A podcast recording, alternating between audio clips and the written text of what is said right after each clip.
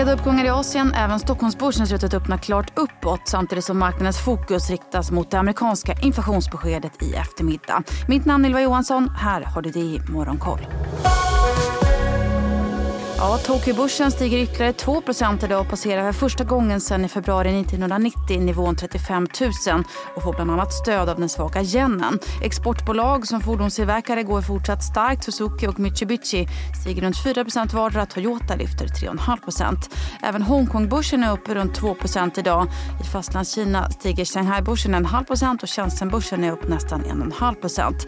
Seoulbörsen stiger en halv procent efter att den sydkoreanska centralbanken lämnar lämnat räntan oförändrad för åttonde gången i rad. Och så kom slutligen också beskedet att amerikanska finansinspektionen SEC godkänner 11 börshandlade bitcoinfonder, så kallade ETFer.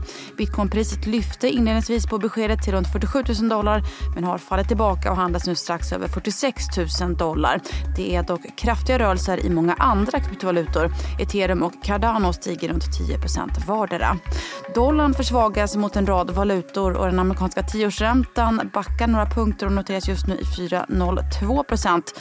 Samtidigt som fullt fokus idag alltså riktas mot det amerikanska inflationsbeskedet. Väntat är att inflationen fortsätter ner till 3,2 procent. Den stora frågan för marknaden är dock om det här räcker för att Fed ska påbörja sina räntesänkningar. Marknaden har ju skruvat ner sina förväntningar på räntesänkningar på 160 punkter under året till 140 efter oväntat starka amerikanska jobbrapporten i fredags. Samtidigt ligger förväntan på en räntesänkning redan i mars fortsatt på runt 60% enligt CME Fedwatch Tool. Igår sa ju också Fed-chefen i New York, John Williams, att det är för tidigt för räntesänkningar men att nuvarande räntenivåer är tillräckligt för att centralbanken ska nå 2% målet. I väntan på dagens inflationsdata så lyfte börserna på Wall Street igår. Bredast steg en halv procent. Techsektorn fortsatte samtidigt att gå starkt och Nasdaq stängde 0,7% upp. Nvidia fortsatte lite drygt 2 upp och nådde en ny rekordnivå. Bland övriga techbolag så lyfte Meta nästan 4 Amazon i sin tur steg 1,5% och meddelade att man säger upp hundratals tjänster på strömningstjänsten Prime Video samt på produktionsbolaget MGM Studios. Samtidigt så kommer nu uppgifter om att även Google säger upp ett hundratal medarbetare som arbetar med bolagets digitala assistent och inom bolagets hårdvara och ingenjörsteam och säger att man kommer fortsätta försöka minska sina kostnader. En hel del fokus också här idag på rapportsäsongen som drar igång på allvar i USA imorgon. Som vanligt så är det bankjättarna med JP Morgan i spetsen som är först ut att bekänna färg. Så till Sverige där budstrid har inletts om First North-listade Pagero efter att mediekonglomeratet Thomson Reuters lagt ett bud på 40 kronor per aktie på bolaget en månad efter att Vertex lagt ett bud på 36 kronor per aktie. Reuters bud värderar bolaget till 6,4 miljarder kronor. Och så har Lucara Diamond utvunnit ännu en stor diamant. Den här gången rör det sig om en diamant på 166 karat av Type 2A från Karobegruvan i Botswana. Det är den 328 ädelstenen stenen på över 100 karat som Lucara däremot utvunnit sedan starten 2012. Och det blev en rabatt på hela 44 procent i lilla forskningsbolaget Sanionas företrädesemission.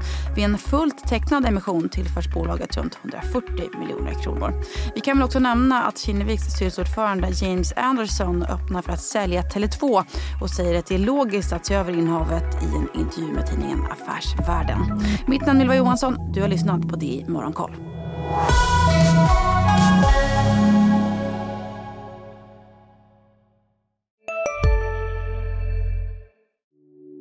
Hej, Ulf Kristersson här.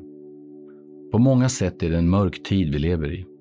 Men nu tar vi ett stort steg för att göra Sverige till en tryggare och säkrare plats. Sverige är nu medlem i Nato. En för alla, alla för en. Där det finns ett samhälle, där finns det brott. Krimrummet är podden som tar brottsligheten på allvar. Jag bjuder in landets ledande experter och tar upp aktuella rättegångsfall för att begripliggöra den kriminalitet som kryper allt närmare. Du, alltså, du kan knäcka ett eller några gäng, men det kommer komma nya och så kan vi knäcka dem sen. Men att du ska knäcka allt forever, det kommer aldrig ske. Det är infinite game. Lyssna på Krimrummet, en podd från Expressen med mig Kim Malmgren.